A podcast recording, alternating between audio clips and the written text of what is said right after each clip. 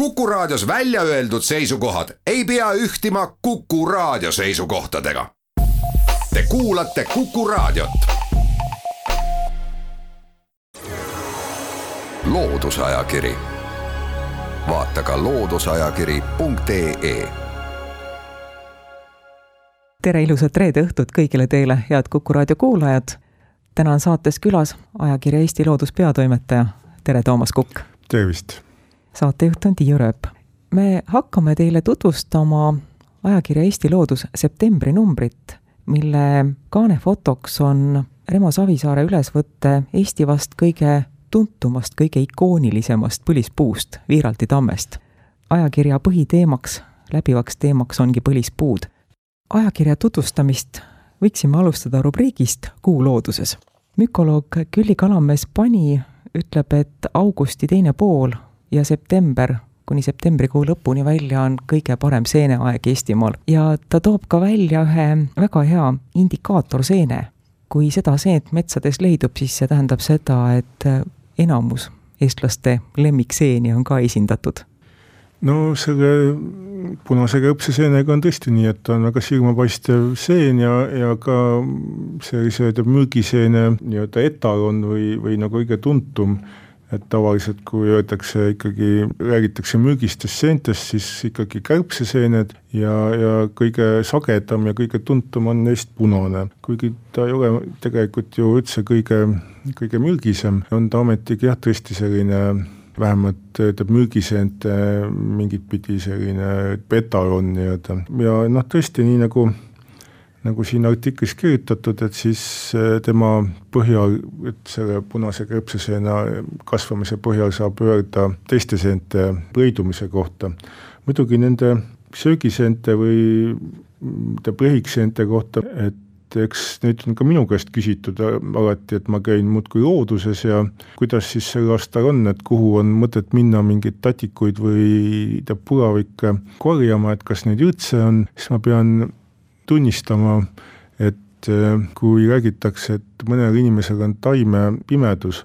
taimepimedus on selline asi, kus inimene lihtsalt ei pane taimi tähele sisuliselt, siis äh, minul on seenepimedus, et ma olen käinud siin ka sügisel seenemetsades äh, teinud äh, taimestikud ja välitöid ja, ja ma ei ole seeni tegelikult üldse tähele pannud, ta võib olla suur punane kärbseseen, aga millegipärast minu jaoks teda ei ole nagu metsas olemas, nii et äh, mina näiteks ei oskaks küll öelda, et kuidas sel aastal seenesaak on, et ma kindlasti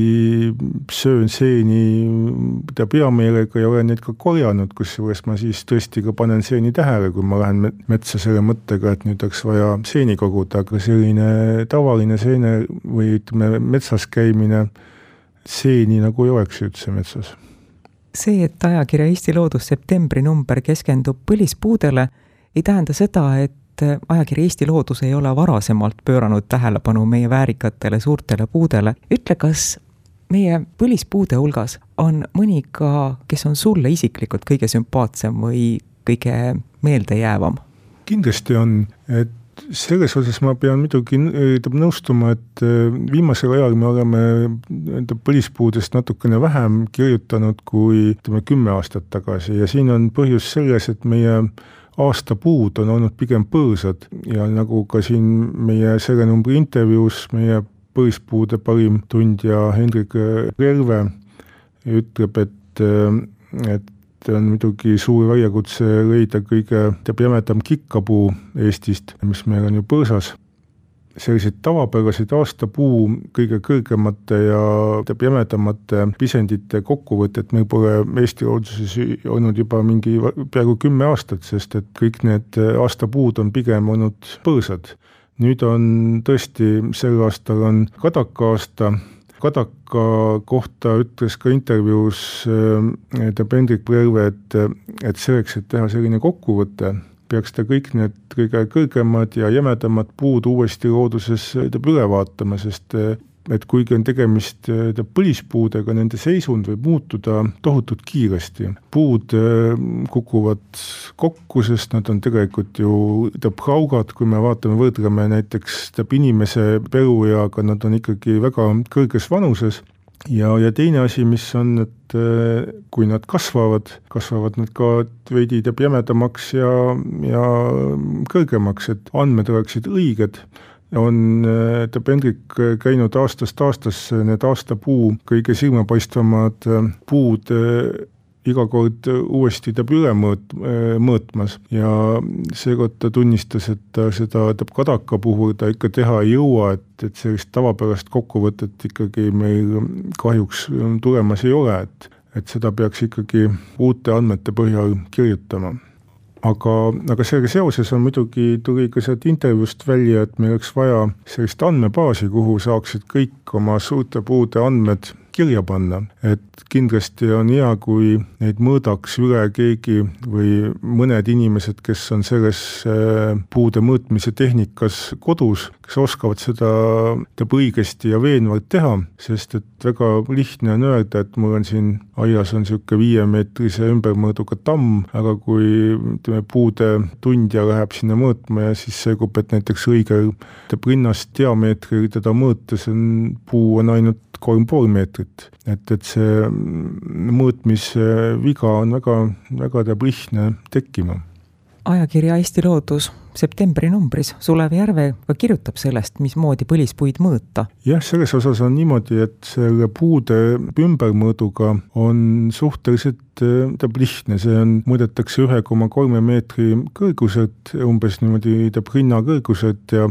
ja mingeid mõõtevahendeid, kas või noh, näiteks nöörijupp, millega saad selle puu ümbermõõdu, pärast mõõdad selle nööri pikkuse, et, et see on nagu suhteliselt lihtne, aga kõrguse mõõtmisel on ikkagi vaja mitmesuguseid abivahendeid. siin on küll tutvustatud ka selliseid äh, käepärasemaid vahendeid, nagu see me teame seda võrdkülgse kolmnurga varemit ja kõike muud, mida saab looduses suhteliselt käepäraste vahenditega põispuu puhul katsetada, aga tänapäeval on väga levinud ikkagi mitmesugused kõrgusmõõtjad, üks on, neist on umbes kallim ja, ja peenem kui teine, nii et näiteks Euroopa suurte põlispuude andmebaasis peab olema ka kindlasti märgitud see mõõtevahend see meetod, kuidas puu kõrgus on saadud, sest et äh, see annab võimaluse hinnata siis seda täpsust ja, ja ka noh, ütleb ka teab midagi selle mõõtja kohta. loodusajakiri, vaata ka looduseajakiri.ee kuku raadio stuudios on ajakirja Eesti Loodus peatoimetaja Toomas Kukk, saatejuht on Tiiu Rööp me lehitseme ajakirja Eesti Loodus septembri numbrit. Aino Mölder, Luua metsanduskooli meisterõpetaja, kirjutab põlispuudest ja nende majandamisest. sõna majandamine põlispuude juures võib tekitada inimestes küsimusi, põlispuu ja majandamine, aga ta seletab ka väga hästi lahti, miks ta seda sõna kasutab, sest põlispuu vajab hooldust, hooldus on tihtipeale ühekordne tegu, aga selleks, et põlispuu kestaks, vajaks ta plaanipärast tegevust ja, ja see ongi majandamine. mind hämmastas see, et äh, Anu Mölder toob välja, Eestis ei ole ilmunud ühtki põlispuude majandamist käsitlevat õpikut või ka teadustööd ka siin äh, nii tema kirjutises kui ka mitmeski teises näiteks äh, tegutse teadlikud artiklisarjas on juttu sellest, kuidas üritab ära tunda haiget äh, põlispuud, et me nagu oskaksime hinnata, et kas meie tuttav suur puu on nüüd, ta vaevleb mingi haiguse käes ja, ja et kas ta võiks olla ohtlik, siis äh, üldine soovitus on, et tuleks ikkagi kasutada teab asjatundjate abi. et äh, see muidugi ei tähenda, et ei peaks olema sellist eestikeelset õpikut, et kindlasti oleks selle järgi praktilist vajadust, et ega see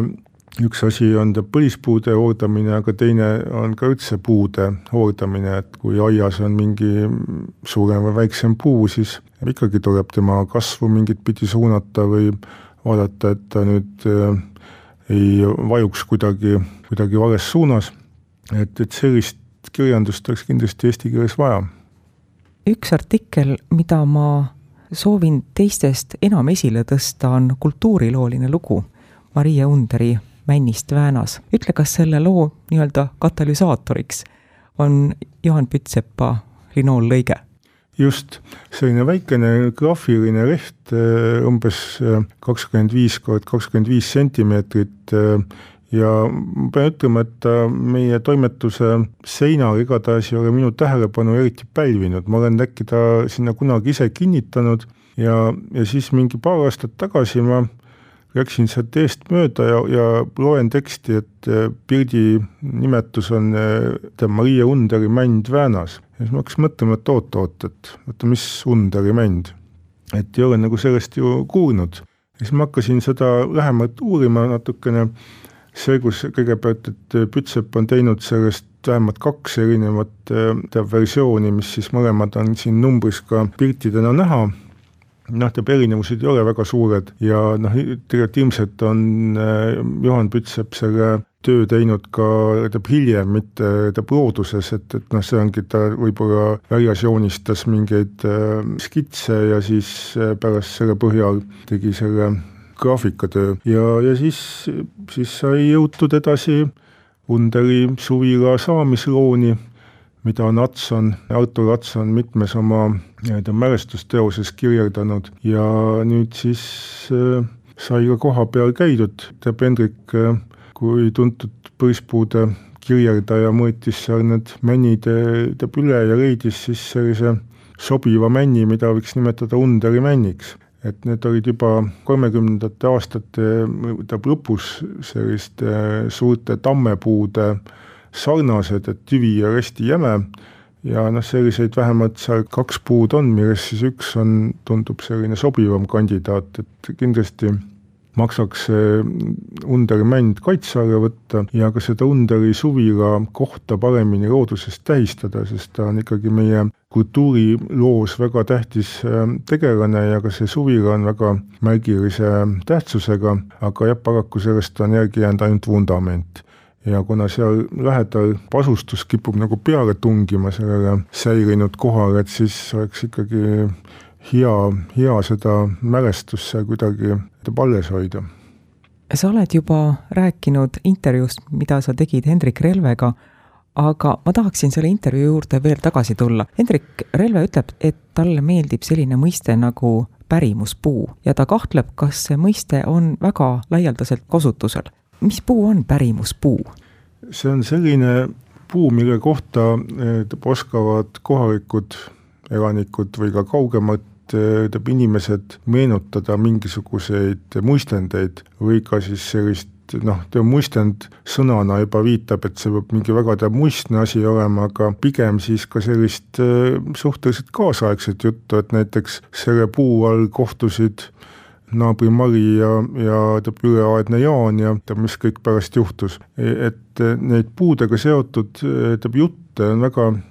teab erinevaid ja teab, mida enam neid ühe puu kohta on tekkinud või teatakse meenutada, seda väärtuslikum see puu, see pärimuspuu on, sest et et see näitab, et see puu on tegelikult rahva hulgas teada ja tuntud ja sellega seoses ka teab hinnatud, et et äh, ta on nagu, nagu noh, ütleme üks meist aastapuust kadakast saab lugeda ka Eesti Looduse augusti numbrist, saab lugeda ka nüüd septembri numbrist. looduskaitsja Leo Filippov kirjutab kadastikest ja ta tõdeb oma kirjutises, et kadakas puuliigina on Eestis kuulutatud justkui lindpriiks ja igaüks võib kadakaga teha, mis talle pähe tuleb. seda puud nagu ei kaitstakski kas sa oled nõus selle tõdemusega? no kindlasti mitte, selles mõttes, et ega eh, kadakas ei ole nüüd kuidagi kehvemas seisuses näiteks kui mänd või kuusk, et eks nende metsapuude kohta käivad ikkagi teab üldised juhised ja ütleb eeskirjad, et see ei ole päris nii, et ta on nüüd selline ütleb alamõõduline põõsas, mida, mida võib vabalt eh, raiuda, kindlasti jah, ma olen sellega nõus, et äh, kadakametsi või selliseid tihedaid äh, kooslusi teab kadakaga võib-olla ei ole meil piisavalt väärtustatud ja mina neist ei oska ka ausalt öeldes midagi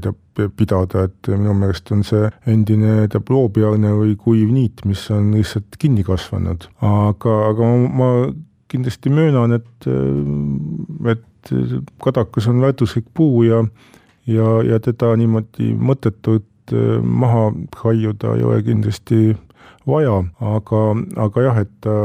ta ei ole niisugune tavapärane palgipuu, mida siis hinnatakse just tihumeetrite põhjal.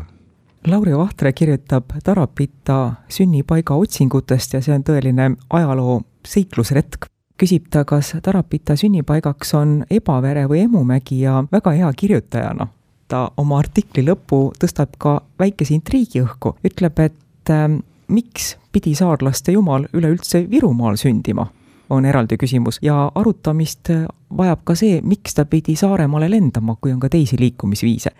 kas sellest väikesest intriigist Lauri Vahtre artikli lõpus võib aimata, et ta jätkab nendel teemadel kirjutisi Eesti looduses järgmistes numbrites? no meil praegu sellist otsest äh, juttu ei ole olnud temaga, et et, et kas nüüd tuleb see järgmine osa, et kuidas see Tarapita nüüd sinna Saaremaale ikka sai, et kas ta nagu lendas või läks äh, paadiga, et seda, see on jah, praegu tõesti lahtiseks jäänud, aga aga selle tabloo puhul on muidugi huvitav see, et äh, tegelikult on ju meie nii Hendriku kroonikast kui ka mitmelt poolt mujalt on Tarapita tuntud nii-öelda tegelane ja et tegelikult ikkagi see ka kroonikas mainitud koht. Nüüd sajandeid teab hiljem on, on mõneti teab ebaselge, see, see on tegelikult huvitav ja, ja täiesti teab põnev, et ka sellises ammu toimunud ja, ja selgeks saanud asjas on võimalik ka, ka tänapäeval eh, seda küsimust tekitada. Aeg sunnib peale ja me peame saate ära lõpetama, aga ma lisan veel mõned märksõnad, millest kirjutatakse ajakirja Eesti Loodus septembri numbris